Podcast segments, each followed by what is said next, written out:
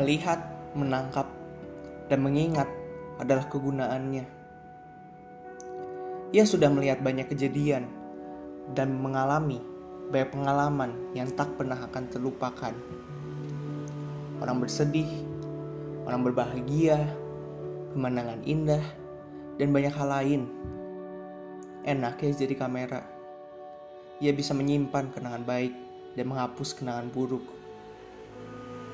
Tidak seperti manusia yang lebih menyimpan kenangan buruk daripada mengingat kenangan baik.